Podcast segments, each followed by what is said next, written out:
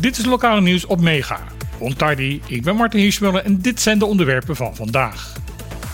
Gisteren maakte de nieuwe bestuurscombinatie PDB, M21 en Fractie Vrolijk bekend wie de beoogde gedeputeerden zijn voor de kerstverse bestuurscoalitie. De naam van Clark Abraham is daarbij de minst verrassende.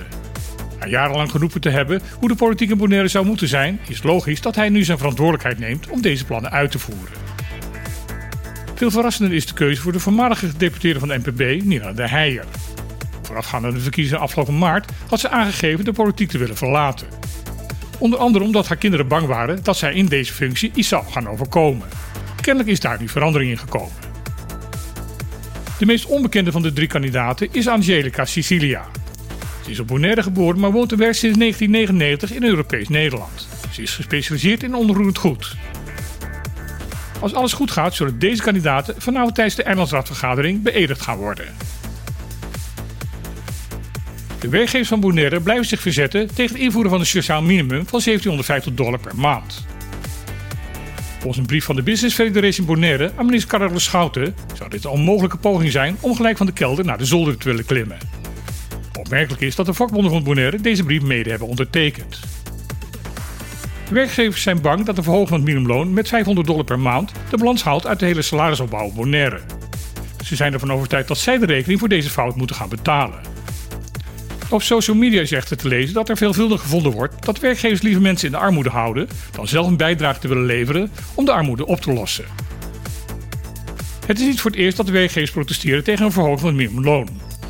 Toen dat op 1 januari dit jaar ook al fors werd verhoogd, waarschuwden de werkgevers ervoor dat dit de inflatie zou doen oplopen. Echter, de cijfers van het CBS laten zien dat de inflatie het laatste kwartaal van 2022 8,1% was en het eerste kwartaal van dit jaar 4,5%. Over vier weken is het alweer zover. Dan gaan op 22 november overal in Nederland de mensen naar de stembus om een nieuwe Tweede Kamer te kiezen. Dat geldt zowel voor het Europees als voor het Caribisch gedeelte van het land.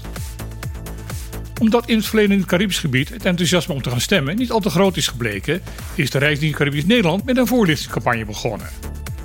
Onder de leus Ik ben om, ik ga stemmen, wordt er geprobeerd om het belang van de Tweede Kamerverkiezingen te benadrukken.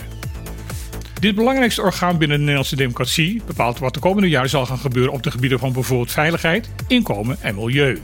Ook in de Cariben. Daarom is het belangrijk dat iedereen zijn of haar stem laat meetellen. De tegenstanders van het gaan stemmen zegt echter dat het aantal stemmen uit Caribisch Nederland zo klein is dat de eilandbewoners op deze manier geen enkele invloed kunnen uitoefenen op het beleid in Den Haag. Als ongeveer de laatste partij heeft ook het nieuw sociaal contract van Pieter Omzicht zijn partijprogramma voor de Tweede Kamerverkiezing bekendgemaakt. Zoals verwacht ligt de nadruk van dit programma vooral op de bestuurlijke vernieuwingen en verbeteringen. Toch wordt er ook een korte paragraaf besteed aan het Caribisch deel van het Koninkrijk. Daarin staat dat de conclusie van de commissie Today voor de BES-eilanden zo snel mogelijk geïmplementeerd moeten gaan worden. Verder zegt de NSC dat er strenge voorwaarden gesteld moeten worden aan de leningen voor de drie landen. Tot slot wordt in het programma gewaarschuwd dat wanneer aan NSC ligt, het lange afstandvliegen een heel stuk duurder gaat worden. Dit zal onmiddellijk negatieve gevolgen hebben voor de belangrijkste inkomstenbron van alle zesde eilanden, het toerisme. Dit was weer het lokale nieuws op Mega. Wens iedereen een mooie en niet al te dure dag toe en dan heel graag weer tot morgen.